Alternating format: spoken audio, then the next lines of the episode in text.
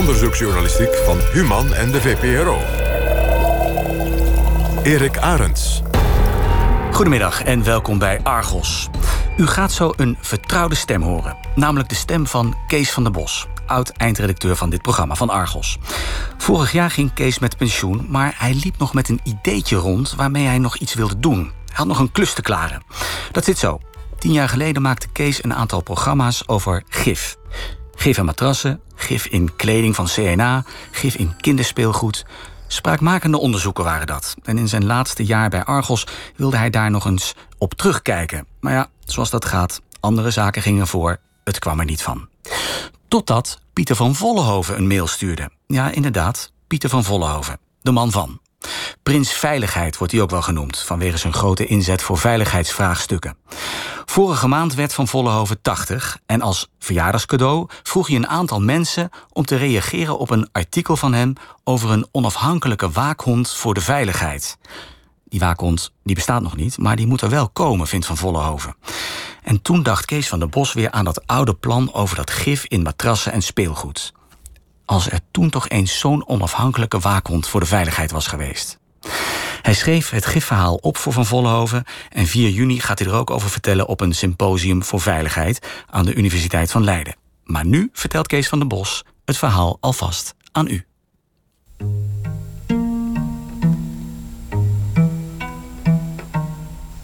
Dit wordt geen vrolijk verhaal.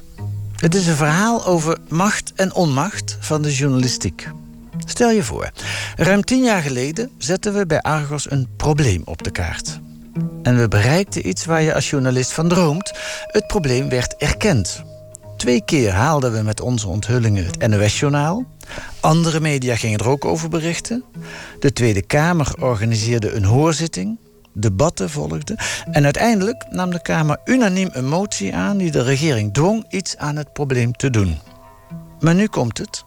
Het gevolg van al deze aandacht is dat de situatie vandaag de dag niet verbeterd is, wat u misschien denkt, maar verslechterd. Hoe dat kan, ga ik u vertellen. Ik liep al langer rond met dit idee. In de zomer werd het verhaal als het ware wakker gekust door een e-mail. Hooggeachte heer Van der Bos. Binnenkort doe ik via de Stichting Maatschappij en Veiligheid een brief toekomen met een verzoek. Ik zou het in hoge mate waarderen als u, gelet op uw opgedane ervaringen, op mijn vraag zou willen en kunnen reageren. Met gevoelens van de meeste hoogachting en met een hartelijk goed Pieter van Vollenhoven. Een mail van Pieter van Vollenhoven. Die krijg ik niet elke dag. Een paar dagen later kwam dat verzoek van de Stichting Maatschappij en Veiligheid. Ze vroegen een reactie op het stuk van Van Vollenhoven, waarin deze pleit voor een onafhankelijke waakhond voor de veiligheid. Van Vollenhoven schreef er vorige maand een boek over en sprak erover in een aantal landelijke kranten.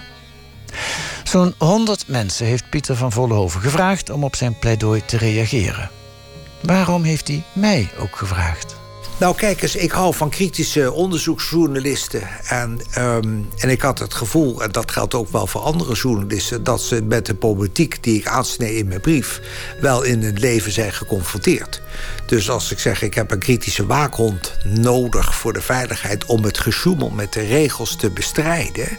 ja, dan kunnen zich vele journalisten toch op aangesproken voelen... omdat ze die politiek zelf aan de lijf hebben ondervonden. En jou, hè? Zo'n verhaal heb ik inderdaad wel, dacht ik. Ik schreef het op en stuurde het aan Van Vollenhoven. En die bleek ingenomen met mijn verhaal. Hij zette het vooraan in de reader waarin alle reacties op zijn verzoek staan gebundeld. Uw verhaal vond ik natuurlijk een typisch voorbeeld.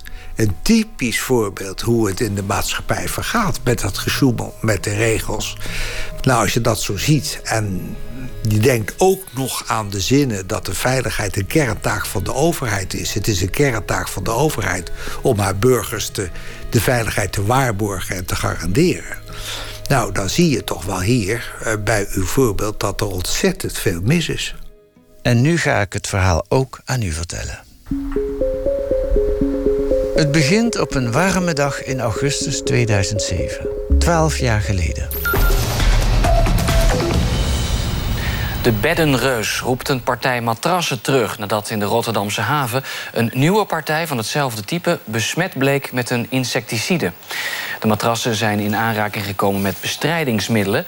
doordat in de zeecontainers waarmee ze uit China kwamen... gif is gespoten. En dat is gedaan om ongedierte te bestrijden. Maar de concentraties gif zijn zo hoog dat ze kanker kunnen veroorzaken. Dat meldde het radioprogramma Argos vandaag. Een fragment van het NOS-journaal van 18 augustus 2007. Het was die hele dag groot nieuws op Radio 1. Het is ook nogal wat. Gif in een matras, daar slapen we allemaal op. Die uh, analyses die gedaan zijn van het matras vind ik uh, zorgelijk, buitengewoon zorgelijk. Dat zei toxicoloog Martin van den Berg in die uitzending. Het gaat om uh, met name twee stoffen, waarvan ik geschrokken ben vanwege de hoge gehaltes die zich in het matras bevinden. Benzeen zit erin. En uh, nou, benzeen is een stof waarvan we als toxicologen weten dat het beslist bij mensen leukemie veroorzaakt. Bloedkanker. Bloedkanker, inderdaad, ja. En uh, de gehaltes daarin uh, die genoemd worden zijn zeker dermate hoog dat je kan verwachten dat het benzeen uit de matras langzaam als het ware verdampt. En dat iemand die op zo'n matras ligt, of het nou een kind of een volwassene is, dat inademt. Um, als je kijkt naar de normen, moet iedere blootstelling aan deze stof tot een minimum zo beperkt worden. Eigenlijk helemaal niet, vanwege de kankerverwekkende werking bij mensen. Dat is die ene stof, benzeen. En dan die, uh, de andere stof, 1, 2, dichlormethaan. Het is een, uh, een stof die uh, allerlei aandoeningen kan veroorzaken op het hart- en vaatstelsel. op de ademhaling, bijvoorbeeld op het zenuwstelsel. Dat is ook beslist geen lievertje, die stof. Eén ding vond hij nog het meest zorgelijk. Als een kind op een matras zou gaan slapen... en zeg vanaf een jaar of zes gebruiken ze zo'n matras... dan heb je te maken met een, een veel kwetsbaarder situatie. En wat hij daarna zei, werd de hele dag geciteerd op het Radio 1-journaal. Ik zou niet op zo'n matras willen liggen slapen, zelfs al ben ik een volwassene. En als het mijn kind zou zijn, die op het matras zou slapen... en ik zou dat vandaag horen... dan zou ik hem vanavond op een luchtbedje op de grond leggen... en dat matras ging de deur uit. Die container met matrassen voor Beter Bed stond al bijna een half jaar in de haven. Beter Bed wilde hem graag binnenhalen, maar hij werd vastgehouden door de inspectie van Vrom. Die bestond toen nog. Twee weken voor onze uitzending had Beter Bed nog een ander gasmeetbedrijf gevraagd om de giftigheid van de container opnieuw te meten. Waarom zouden ze dat doen? Om toch te proberen die matrassen los te krijgen? Alleen het opslaan van die container in de haven had het bedrijf al zo'n 9000 euro gekost. Waarschijnlijk in de hoop die matrassen ooit nog te kunnen verkopen. Die dag van de uitzending was niet leuk voor Beterbed. Een woordvoerder hield zich in onze uitzending van de domme. Ze wisten er helemaal niks van. Na onze uitzending is de inhoud van de container vernietigd. Het probleem van gif in containers stond die week op de voorpagina van de Volkskrant en de NRC. Het was groot nieuws. Het leek om veel meer te gaan dan alleen matrassen.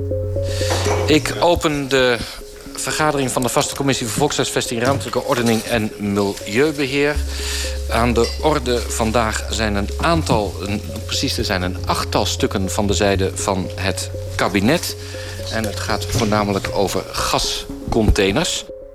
Er volgden kamervragen, kamerdebatten, een hoorzitting met experts in de Tweede Kamer. En er volgden nog meer onthullingen. Dat hoort u zo meteen. Maar nu komt het gekke.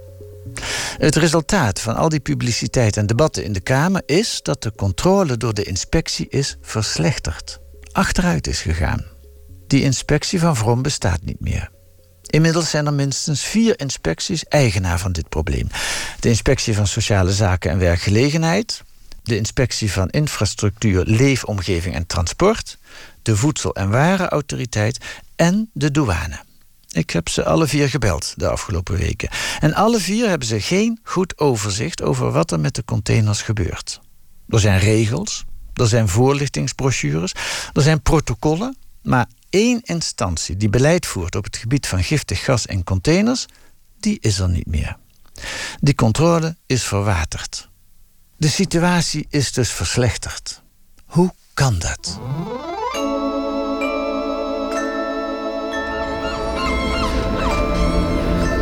het vel om een container te bemonsteren. Ja, ik zie hier een uh, truck met een container.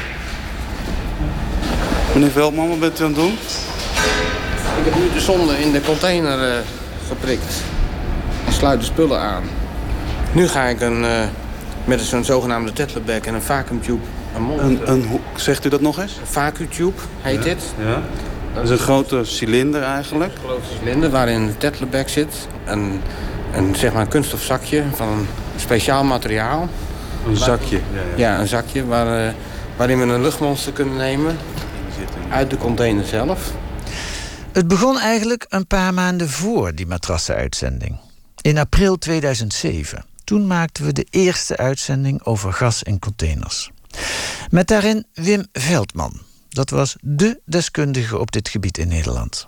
Veldman is op dat moment inspecteur van Vrom. Later die maand kreeg hij een prijs van het Amerikaanse ministerie van Milieu voor zijn werk om het gebruik van methylbromide in te dammen. Methylbromide is een giftig gas dat gebruikt wordt om containers te ontsmetten. Methylbromide is een, uh, uh, een stof die uh, in principe in de EU verboden is vanwege zijn ozonlaag aantastend effect. Dat is een, dat, dat is een belangrijke schadelijke eigenschap. En daarnaast is die op de, als die bij structurele blootstelling bij mensen schadelijk voor het zenuwstelsel. En wat gebeurt er dan? Ja, in het ergste geval bij een acuut hoge doos is, is dodelijk. In een iets minder ernstig geval uh, invaliditeit, verlammingsverschijnselen. En uh, op de hele lange termijn, ja daar, ja, durf ik zo geen uitspraak over te doen. Dan, dan kan je een breed scala, denk ik, aan klachtjes hebben. Veldman wijst al jaren op het gevaar van giftige stoffen in zeecontainers. Hij deed in 2000 zijn eerste onderzoek naar het gebruik van die stoffen. En daarna bleef hij de zaak volgen. Uit de onderzoeken die we tot nu toe hebben gedaan... Uh, zijn de, kun je voorzichtig schatten dat zo'n 20, 30 procent van de containers... die uh, worden ingevoerd op een of andere manier een toxisch gas bevatten. En wat voor gassen zijn dat dan? Uh, dat is, dat is een, een, een breed scala aan gassen. Er worden uh, ook weer steeds nieuwe gassen ontdekt. Methylbromide is natuurlijk een veel voorkomende in verband met internationale eisen aan verpakkingshout. Daarnaast komen fosforwaterstof tegen bijvoorbeeld. Uh, maar ook weer benzeen. In, is de laatste tijd in opkomst 1,2 dichloroethaan. Dus dat hangt er een beetje vanaf. In 2002 werd dit probleem door de toenmalige milieuminister Jan Pronk zo ernstig ingeschat dat hij zijn ambtenaren een spoedmaatregel liet maken.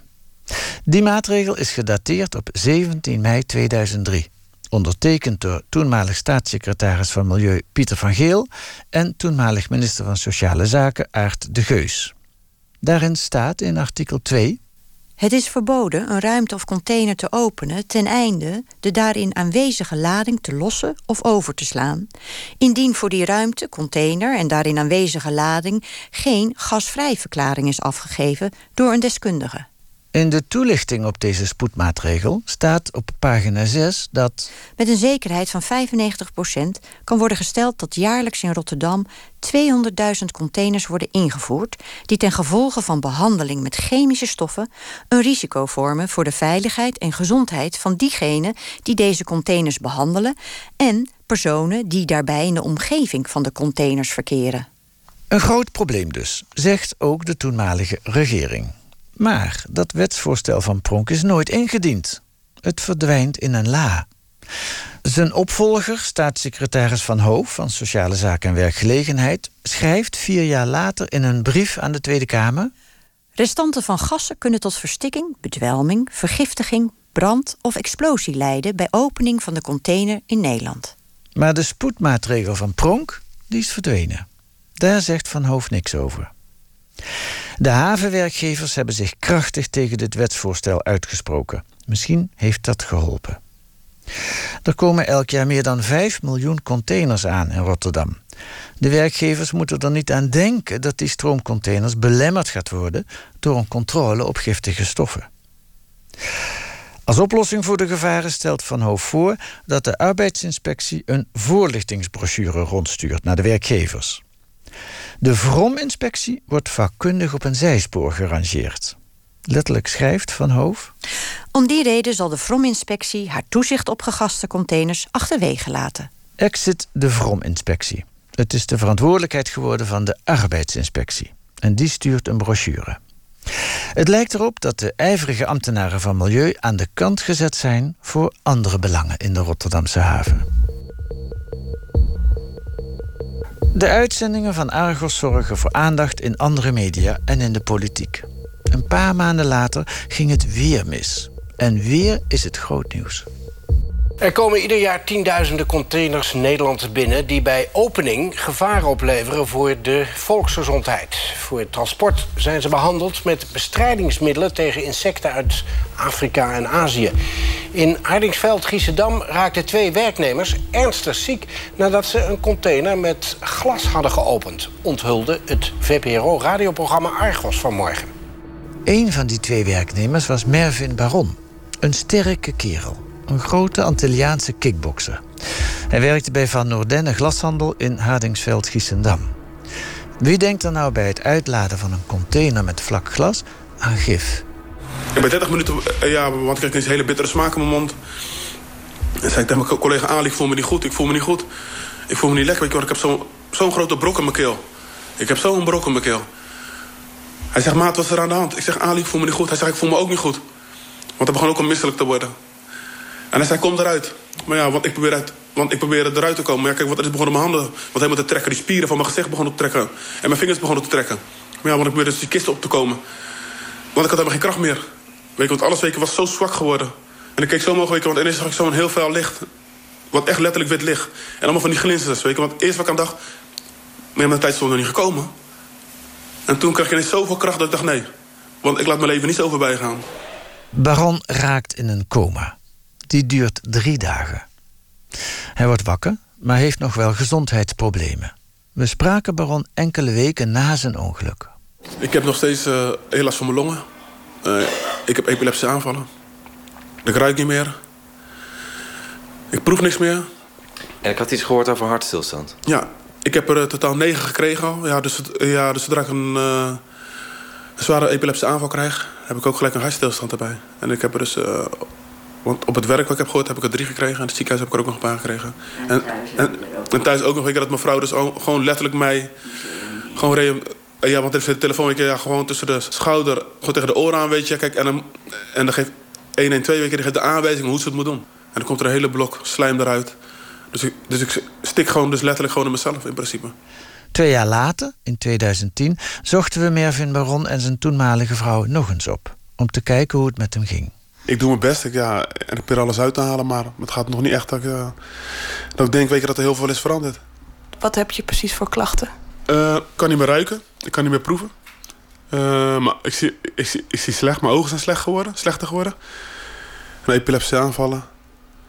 Ja, en heel veel psychische klachten nog dus. Ik ben ook heel erg claustrofobisch geworden. Dus een kleine ruimte kan ik het heel erg benauwd krijgen... en dat ik heel snel dan insult kan krijgen of wat dan ook. Maar één ding is wel zeker dat ik wel een posttraumatische stresssyndroom heb. In zekere zin is het uh, ja, zeker wel verslechterd nog. En ik had juist gehoopt dat het juist beter zou gaan, maar... Er is nog een hele lange weg te gaan. Eh, we zitten nu bij jou op de bank. Uh, ik kijk hier om me heen in de kamer. Zie ik eigenlijk nauwelijks meubels staan. Of geen tafels. Waarom is dat? Omdat ik uh, epilepsie heb.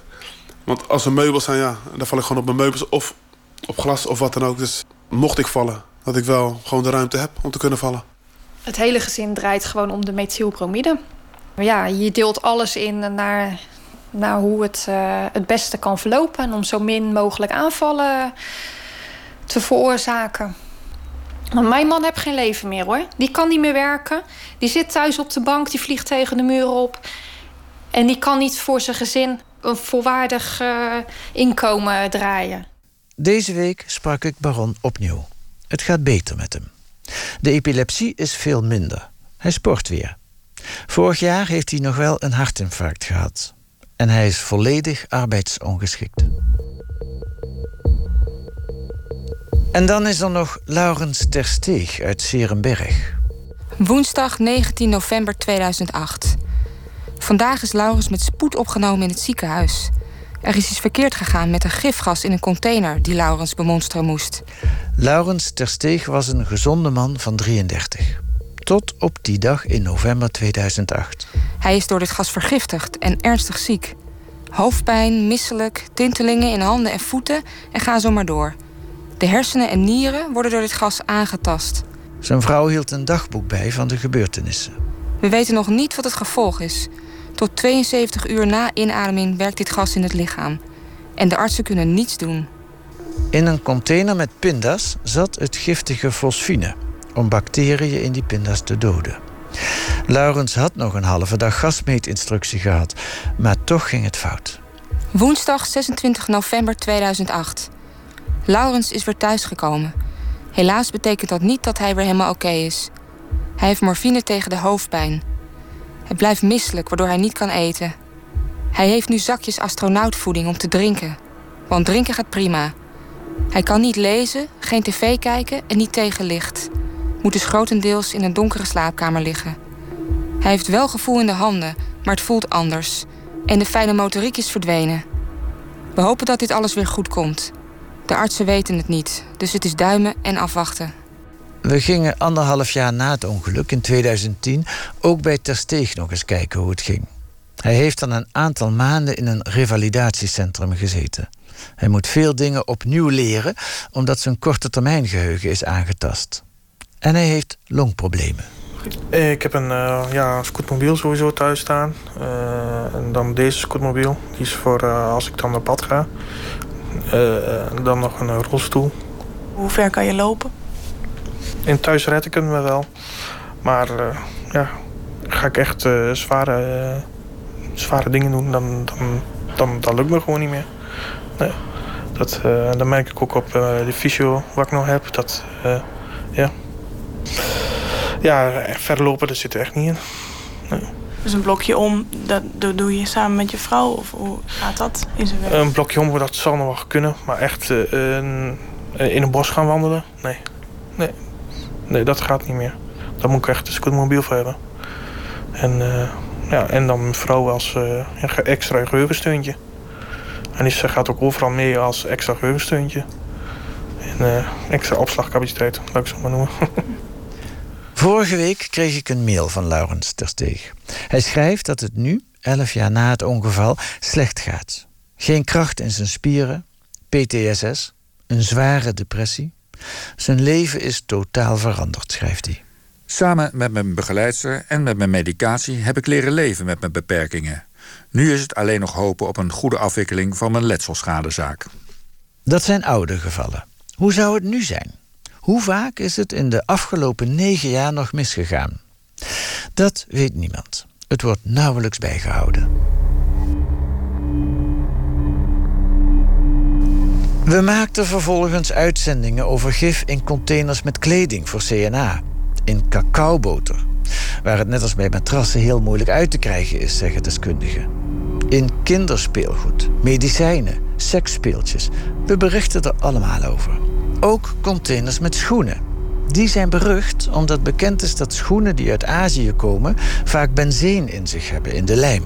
En die benzeen lekt uit in de containers. Daar vormt zich dan een gevaarlijke mix van giftige stoffen. De grote vraag is natuurlijk: zouden u en ik ook klachten kunnen krijgen als gevolg van de spulletjes uit de containers? En zouden we dan kunnen ontdekken dat die klachten door die spullen komen? Hoe weet je dat? Voornamelijk heel veel hoofdpijn. Het is eigenlijk uh, constant de hele dag. Leonie Koopman uit Emmen. In een uitzending van Nova in 2010. Ze heeft klachten en gaat naar de dokter.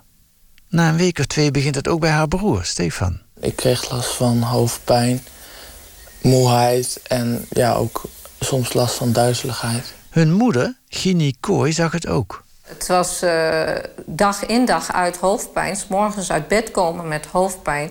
De hele dag hoofdpijn. En s'avonds naar bed gaan met hoofdpijn. De klachten begonnen een maand nadat ze een nieuwe matras hadden gekocht bij Beter Bed.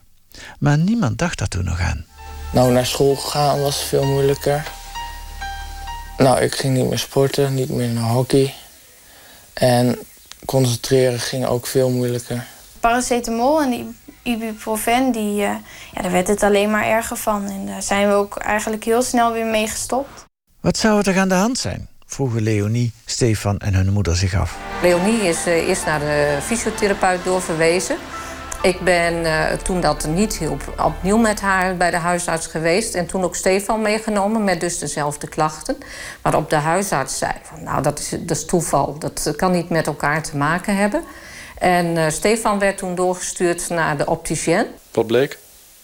Dat ik geen bril nodig had en dat mijn ogen gewoon goed waren.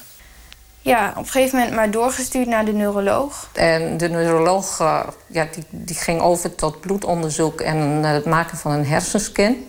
Die had toen zoiets van, ja, ja ik heb mijn onderzoeken gedaan, ik kan niks vinden. Dan uh, denk ik dat het migraine is. En daar kon hij me medicijnen voor geven. Omdat haar kinderen allebei dezelfde klachten hadden... dacht moeder Ginny dat moet met elkaar te maken hebben. Toen op een bepaald moment, toen bedacht ik dat ze allebei een nieuw matras hadden gekregen. En dus toen stond ik op. Ik zeg, van, kan het niet het matras zijn? Dat was een goed idee. Onderzoek van het matras wees uit dat er tolueen, benzeen, dichloethaan en dichlomethaan in zat. Nog steeds. Maanden na aankoop was dat aantoonbaar. Vlak na de aankoop moeten die concentraties veel hoger zijn geweest. Leonie en Stefan werden onderzocht door een arts, gespecialiseerd in giftige stoffen, Ati Verschoor. Dus dit soort neurotoxische stoffen geeft dus uh, aantasting van het centraal uh, zenuwstelsel. En dat komt overeen met de gezondheidsklachten die de kinderen hadden. Dus dat klopt ook. De stoffen en de gezondheidsklachten en de ontwikkeling in de tijd uh, klopt ook.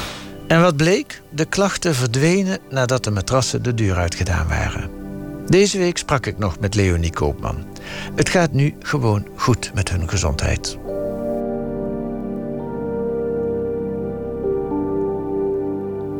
Dit is een bijzonder voorbeeld. Ik weet niet of het vaker is gebeurd.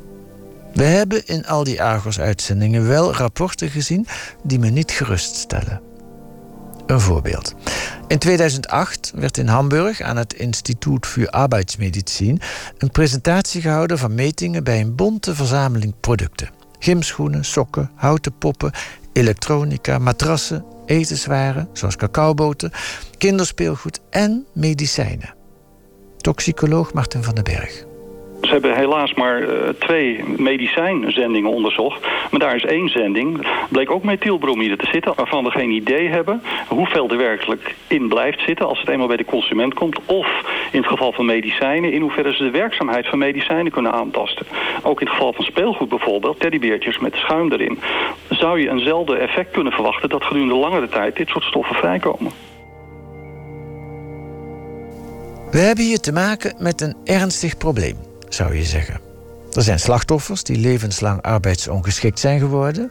En wie weet hoeveel mensen gezondheidsproblemen hebben als gevolg van het gif in de spullen die in de containers zitten. Wat doet de overheid eraan? Net in de week dat wij het verhaal van Mervin Baron vertelden en het rapport uit Hamburg in handen kregen, kwam de toenmalig minister van Milieu Jacqueline Kramer met een heel ander bericht. Het RIVM komt in het eerder genoemde onderzoek tot de conclusie dat de risico's voor consumenten gering zijn.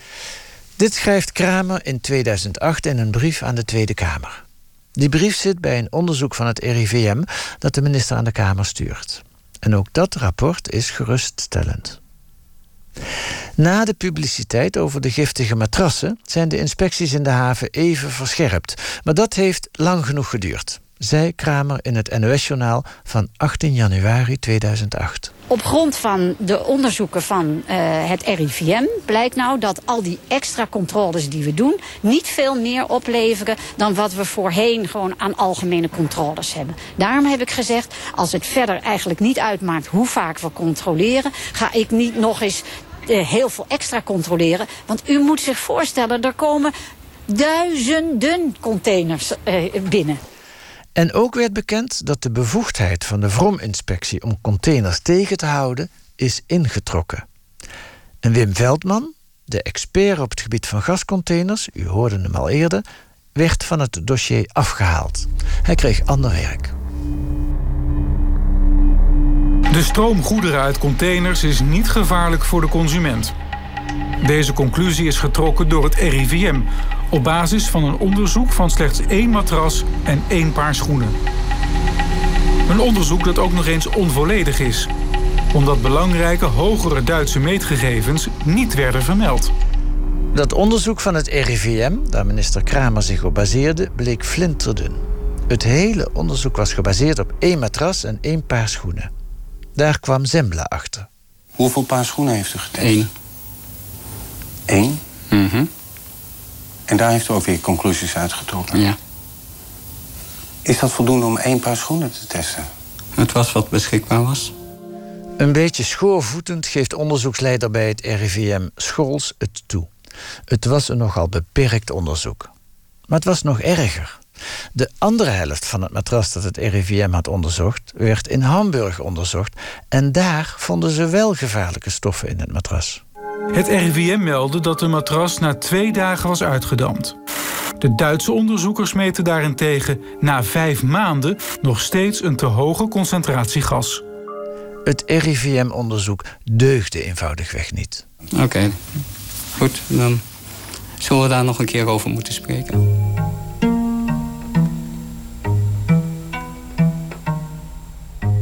Het is steeds hetzelfde verhaal. Een wetsontwerp wat verdwijnt, een inspectie en een inspecteur die teruggefloten worden, een wankel onderzoek van het RIVM wat dankbaar gebruikt wordt om niks te hoeven doen. De bestuurders willen er niet aan, zo lijkt het. Maar dan is er altijd nog het parlement. Begin 2008 was er een hoorzitting in de Kamer op initiatief van de SP. Experts, waaronder Martin van den Berg, deden hun verhaal. Een paar dagen later volgde een debat. Voorzitter, ons land is een flessenhals waar veel containers bijeenkomen voordat ze weer daarna in het achterland verspreid worden. Remy Pop van de SP. Hij liep voorop om de minister wakker te houden. Het gifcontainerprobleem hier aanpakken zal een schokgolf naar de bron, meestal in Azië, veroorzaken vergelijkbaar met het fenomeen waterslag. Optreden op basis van een wettelijke regeling met boetes, kosten ontgassen en zo nodig vernietigen van de lading, zal, zoals ik al zei, een schokgolf naar de bron veroorzaken. Importeurs zullen dan echt snel wel hun leveranciers dwingen om niet meer te gassen en zeker niet onnodig. En zich wel daarna aan de regels te houden wat de stickering betreft. Antoinette Fitsch van het CDA. De hoorzitting was voor ons Kamerleden zeer verhelderend. En de CDA-fractie vraagt dan ook om bij dit onderwerp snel door te pakken en voor de zomer, en niet pas aan het eind van het jaar, over te gaan tot een overdracht uh, van bevoegdheden tussen de inspecties. Zodat één inspecteur niet alleen mag signaleren uh, of de deur open mag maken of mag controleren, maar mag, ook mag beboeten en de goederen in beslag kan nemen. Jan Boelhouwer, PvdA. Als al die diensten allemaal op die manier zouden werken... en dat komt bij elkaar, dan krijg je echt een massaliteit aan uh, containers... waarvan de regels niet in orde zijn. En als je op die manier dat een jaar zou doen... die, die massaliteit bij elkaar brengen... dan is het echt vanzelf dat het probleem zich naar mijn idee ook oplost. Het moet zo onaantrekkelijk worden om verkeerd gestikkerde containers of niet gestikkerde containers, terwijl dat wel zou moeten, naar Nederland te sturen, dat dat gewoon inderdaad al vanuit Zuidoost-Azië wordt, uh, wordt, wordt voorkomen dat het, uh, dat het gebeurt. Helma Pires van de VVD. Ja, als je alle stukken zo leest, dan stemt dit hele onderwerp uh, toch eigenlijk treurig. Want eigenlijk blijkt dat we er met ons allen niet echt grip op hebben. Want ik zeg echt, zoals het nu is, kan het wat de VVD betreft niet langer. Na de Kamerleden was het woord aan de minister van Milieu, Jacqueline Kramer. Die zegt dat we de rol van het ministerie van Vrom niet moeten overschatten. Wat doet Vrom? Die monitort, hè, uh, steeksproefsgewijs, om uh, eigenlijk te controleren. Uh, en dat is ten behoeve van de andere inspecties. Meer doen wij eigenlijk niet. Het ministerie van Vrom heeft er eigenlijk geen zin in. Achter de schermen woedt een strijd tussen de ministeries. Zo blijkt uit e-mails die we in handen krijgen. Iedere inspectie wil graag dat de andere het moet aanpakken.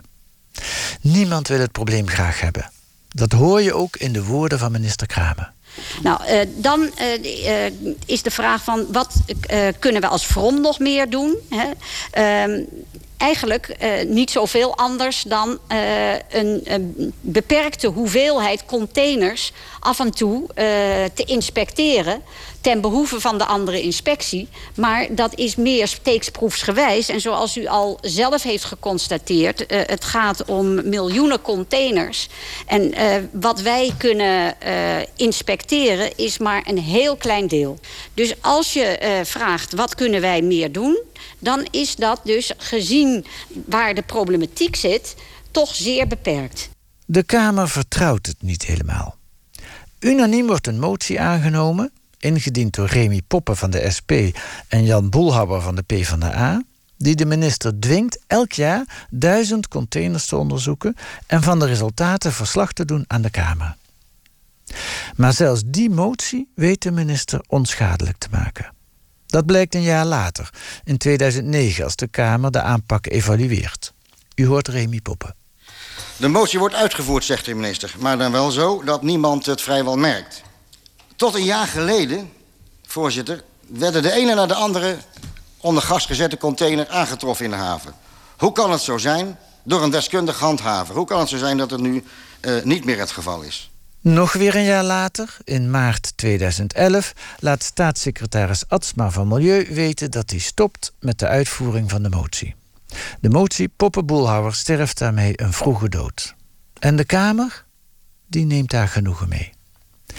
De zoekterm gegaste containers levert in het archief van de Tweede Kamer in de laatste vijf jaar nul resultaten.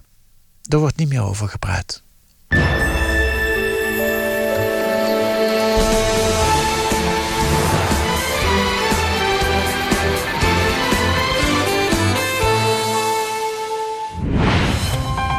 Hier werden sie umgeschlagen. Knapp 9 Millionen Container pro Jahr. Doch mit den Waren kommt das Gift.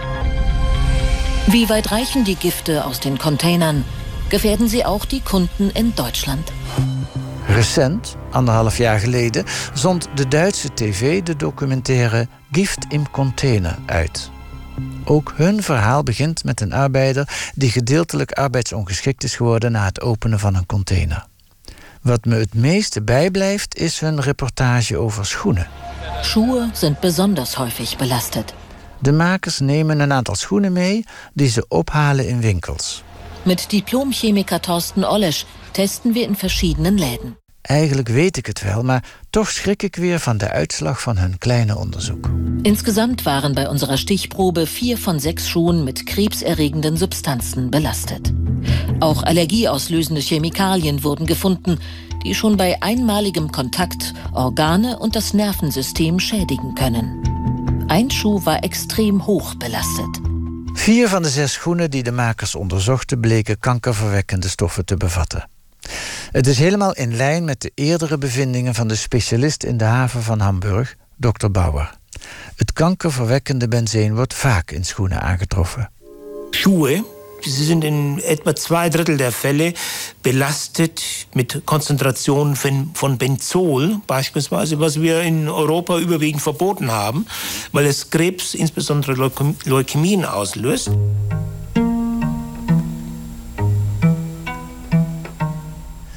Dit is het verhaal over giftige gassen in containers. Dit heb ik opgeschreven in antwoord op de mail van Pieter van Vollenhoven. Dit is mijn reactie op zijn pleidooi voor een onafhankelijke waakhond voor de veiligheid. Van Vollenhoven schrikt van mijn gifverhaal. Hier zie je gewoon ja, dat je, wij, wij spreken over de veiligheid, dat het de hoogste prioriteit heeft en, en onze aandacht. We, kortom, we spreken lovend over het onderwerp, maar in de werkelijkheid eh, gaan we er ontzettend slordig mee om. De sleutelzin in de aanpak van het probleem van gif in containers is: het is de verantwoordelijkheid van het bedrijfsleven. Dat is een zin die in deze neoliberale tijden vaker gebruikt wordt door de overheid. Ja, dat is natuurlijk een, een zin um, waar ik nog best in zou kunnen komen hoor. Want uh, zo ben ik nu ook wel. Maar Veiligheid is een kerntaak van de overheid. Dat staat ook nog eens in het Europees Verdrag van de Rechten van de Mens. Dus dat staat er keurig wettelijk op beschreven. Dan is aan mij gewoon de vraag dat de overheid best taken kan uitbesteden naar het bedrijfsleven toe. Maar dat ontneemt de overheid niet van zijn verantwoordelijkheid om te controleren of wat ze uitbesteden, of daadwerkelijk ook gebeurt. En dat doet de overheid niet. Met het woord bezuinigingen wordt er gewoon geschrapt. Met de zinsnede laat de veiligheid aan de professionaliteit van de sectoren zelf over, want ze hebben de ervaring. En dat is ook zo. Maar dan moet de overheid wel gaan zitten controleren of die verantwoordelijkheid wordt waargemaakt. En dat doen ze niet.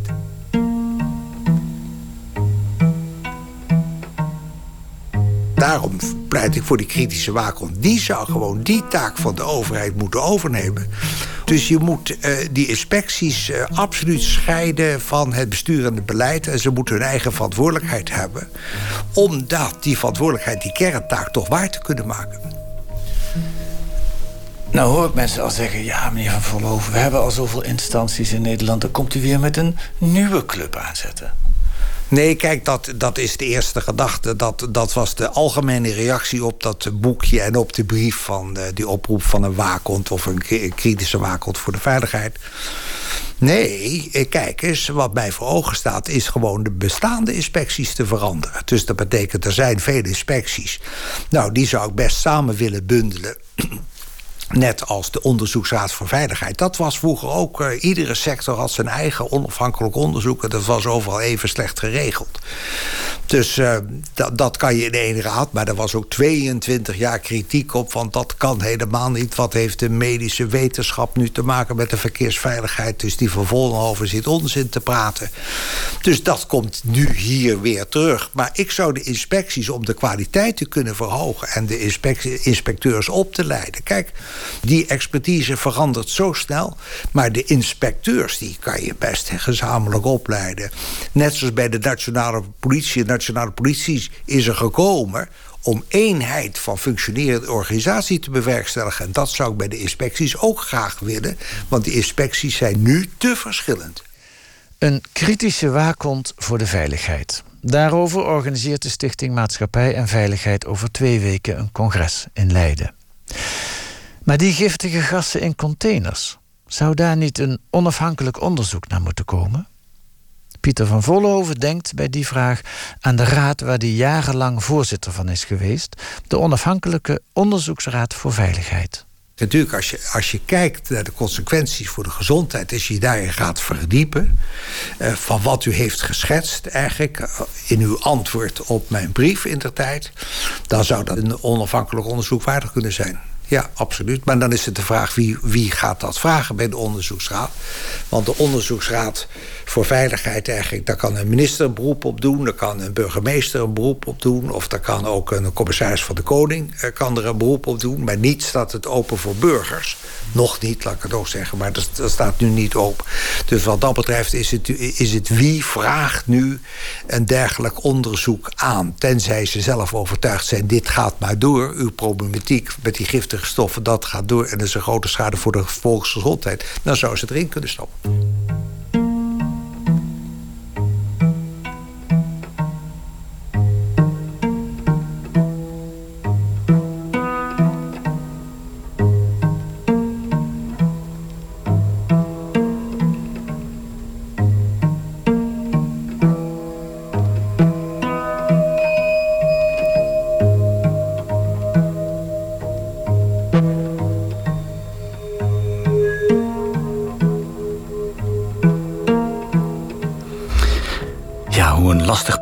Vakkundig aan het oog wordt ontrokken. U hoorde een reportage van Kees van der Bos en Freek Schreuder. Techniek Alfred Koster, eindredactie Harry Lensink. En onze dank gaat ook uit naar al die oud-Argos-redacteuren... die aan de eerdere uitzendingen over gascontainers hebben meegewerkt. Dan heb ik het over Bert Terhoeven, Jair Stijn, Suzanne Borst, Irene Houthuis... Norbert Rijntjes en Lemke Kraan. Op onze site vindt u een document met daarin een aantal incidenten die we de afgelopen weken op het spoor zijn, zijn gekomen. En daarin staan ook cijfers die de verschillende inspecties aan ons hebben gemeld. Ja, u hoorde dus hoe Tweede Kamerleden wel hebben geprobeerd om de controles op die gascontainers te verbeteren. Maar u hoorde ook hoe die pogingen vervolgens oplosten in het niets. Wij wilden graag weten hoe de parlementariërs van nu daarover denken. En met name natuurlijk de regeringspartijen. Nou, we hebben ze allemaal uitgenodigd. VVD, CDA, ChristenUnie, D66. Maar helaas, allemaal hadden ze het te druk met andere zaken om over dit probleem te komen praten. Wie wel wil reageren is Cem Lassin, Tweede Kamerlid van de SP. Goedemiddag, meneer Lassin. Goedemiddag. Ja, u heeft de reportage gehoord. Wat vindt u ervan dat de overheid ja, eigenlijk nog maar een schijntje van de controles uitvoert op die uh, gascontainers van vroeger? Ja, ik vind het uh, zeer zorgelijk om, om het te horen. Uh, vooral in een tijd waarin we weten dat de internationale handel natuurlijk heel erg toeneemt. het transport vanuit Azië steeds meer deze kant op komt. En als ik dan hoor dat we van zo'n 200.000 containers die aankomen in Rotterdam weten dat er uh, containers bevatten met, uh, met ja, giftige stoffen die een gevaar kunnen vormen voor uh, werknemers. Ja, dat zou bij mij alle alarmbellen doen rinkelen en daarmee dus ook de handhaving en toezicht daarop te verhogen. Maar dat is de afgelopen jaren vooral niet gebeurd, kan ik zo horen. Wist u ervan? Is het nieuws, nieuw voor u? Ik weet natuurlijk dat uh, Remy Poppen, die we ook in de uitzending hoorden... Uw collega, hij daar heel erg... Oud, Kamerlid van de... Oud-Kamerlid. Ja. Precies, oud-Kamerlid van de SP. Die heeft het natuurlijk op de agenda gezet, zo'n ja, ruim tien jaar geleden. Uh, en dit is geen onderwerp die wij recent nog hebben behandeld, moet ik zeggen, in de Kamer. Hoe maar kan dat? Zo, uh, ja, er zijn natuurlijk heel veel uh, onderwerpen wat betreft milieu en stoffen uh, die we wel behandelen. Maar uh, de Kamer behandelt vooral heel veel dingen die actueel zijn op basis van wat er nu gebeurt. En dit is naar mijn weten de afgelopen tijd niet langsgekomen. Nee, maar u reageert toch niet alleen maar op krantenberichten of dingen die wij nee, in Argos melden? Nee, zeker niet. We hebben, we hebben heel veel uh, debatten en gesprekken over, uh, over het milieuregels en wetten die we hier hebben.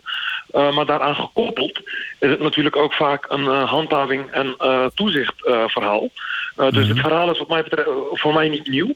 Alleen recent niet behandeld, nee. Oké, ja, want ik vroeg me nog af. Kijk, staatssecretaris Atsma die is toen gestopt hè, in 2012 met de invoering van de motie van uw uh, oud-collega Remy Poppen. En in die motie stond juist: jullie moeten wel uh, blijven controleren, maar dat is gewoon gestopt. Ja, dat hebben jullie niet aan de bel getrokken, uh, volgens mij. dat, dat zou ik niet zo durven zeggen, hmm. omdat ik niet weet wat, daar, wat de behandeling daarvan direct daarna is geweest. Uh, maar een motie die aangenomen is, uh, en in de uh, reportage horen we ook heel veel Kamerleden, ook bijvoorbeeld van de VVD, die zeggen het kan zo niet verder. Ja. en dan na twee jaar al stoppen met de uitvoering van een motie die extra controles eist. Ja, dat is natuurlijk gek. Uh, Vooral in combinatie met het feit dat uh, ja, al zo'n tien jaar sinds uh, de VVD continu regeert... ook enorm is bezuinigd op alle inspectiediensten. en die twee gaan wat mij betreft niet samen. Toch horen we de laatste jaren niets of weinig meer over ernstige ongevallen met die gascontainers. Kan het zijn dat het probleem helemaal niet meer zo groot is? Dat, uh, dat durf ik uh, heel erg te betwijfelen. Uh, omdat in Azië de milieuregels veel soepeler zijn als hier. Hm. Er worden nog heel veel stoffen daar wel gebruikt die hier al lang verboden zijn. Uh, en als je dan ziet dat uh, vooral de Rotterdamse haven uh, ja, toch een van de grootste havens hier is, met heel veel containers die binnenkomen, dan zou je als Nederlandse staat een van de inspectiediensten daar op moeten zetten. Maar dat zien wij ook, dat zie ik ook in andere discussies die wij hebben, dat heel veel inspectiediensten naar elkaar wijzen. Uh, waarmee je eigenlijk zegt, ja, we zijn allemaal een beetje verantwoordelijk, dus we zijn allemaal niet verantwoordelijk. Ja. Uh, en met de bezuiniging die ik net noemde, uh, krijg je eigenlijk dat we hele strenge regels hebben in Nederland, maar dat er nauwelijks op gehandhaafd wordt. En ja, dan zijn regels heel weinig waard. Op onze, staat, uh, op onze site staat een documentje waarin een aantal incidenten uh, staat die de laatste week aan ons zijn verteld. U heeft het ook gezien. Hè? Vier medewerkers uh, staat erin van schoenenwinkel van Haren in Nieuwegein werden onwel nadat een pallet met schoenen ja. was neergezet in het magazijn. Het RIVM ja. vond daarin de giftige stof tolueen in die schoenen. Maar de concentratie ja. was inmiddels zo laag dat ze niet konden vaststellen dat die klachten ook van die medewerkers daardoor werden veroorzaakt. Wat, wat, wat zegt dat volgens u? Ja, ik, ik, ik vind dat heel gek. Uh, als je vier medewerkers hebt die uh, uh, in dezelfde winkel, in hetzelfde magazijn onwel worden door een bepaalde stof, moet er denk ik niet per se gekeken worden naar wat is dan de hoeveelheid of zit het onder de grens, grens of normen, dan moet die conclusie getrokken worden dat daar een stof in zit die blijkbaar voor uh, een bepaald gevolg heeft gezorgd. En dan moet dat uh, onderzocht en aangepakt worden. Want ik hoor heel vaak, ja, uh, het zit erin, maar het is niet zeggend, het is nauwelijks een risico. Terwijl heel veel mensen wel last hebben van die stoffen. En daar moet op gehandeld worden, vind ik. En wat vindt u van de suggestie van uh, Pieter van Vollenhoven? In de reportage zegt hij... nou, ik zou het misschien wel een goed idee vinden... als de Onderzoeksraad voor Veiligheid een onderzoek doet... naar de problemen met die uh, gascontainers. Wat vindt u daarvan? Ja, dat, dat, dat, dat, dat, lijkt me uh, zeker nodig. Uh, vooral om te kijken ook hoe het er nu mee staat. Omdat uh, in mijn beleving al jaren hier nauwelijks echt op gehandhaafd wordt. Specifiek op de containers. En een minister, een ministerie kan bijvoorbeeld de Onderzoeksraad voor Veiligheid een onderzoek laten doen. En waarom zouden we dat niet op dit punt uitvoeren? Mm, ja, maar daar zou u dan misschien uh, een eerste aanzet toe moeten doen. Uh, zeker weten. Uh, wij hebben de komende weken ook verschillende debatten... waar het ook over chemische stoffen gaat. En dan zal ik, naar aanleiding van jullie rapportage, zeker aandacht vragen. Ik wil in eerste instantie ook weten hoe, hoe het er nu voor staat. Ik denk al te weten dat dat antwoord mij niet gerust zal stellen. En dan zou een onafhankelijk onderzoek uh, zeker uh, mogelijk moeten zijn. Dat, dat zal ik zeker voorstellen, ja. Dat gaan we dan blijven volgen. Heel veel dank voor uw commentaar. Ja. Cem Lassine, Tweede Kamerlid van de SP. Ja, en op 4 juni is er dus dat symposium over een onafhankelijke waakhond voor de veiligheid... ter gelegenheid van de 80ste verjaardag van Pieter van Vollenhoven... op de Leidse Universiteit, en, uh, of aangeboden door de Leidse Universiteit... en de Stichting Maatschappij en Veiligheid. Wilt u naar aanleiding van onze uitzending reageren... dan kan dat via ons mailadres. Dat is argos.vpro.nl. En als u dan de uitzending daar ook nog eens wil terugluisteren... dan kan dat weer op onze site argos.vpro.nl of via NPO Radio 1. Tot zover Argos. Meer onderzoeksjournalistiek kunt u zondagavond om 7 uur horen... bij de collega's van Report Radio, ook op deze zender. En dadelijk kunt u luisteren naar Radar met Misha Blok. En daarin gaat het over de overgang. Ik wens u een lekker weekend en graag tot volgende week.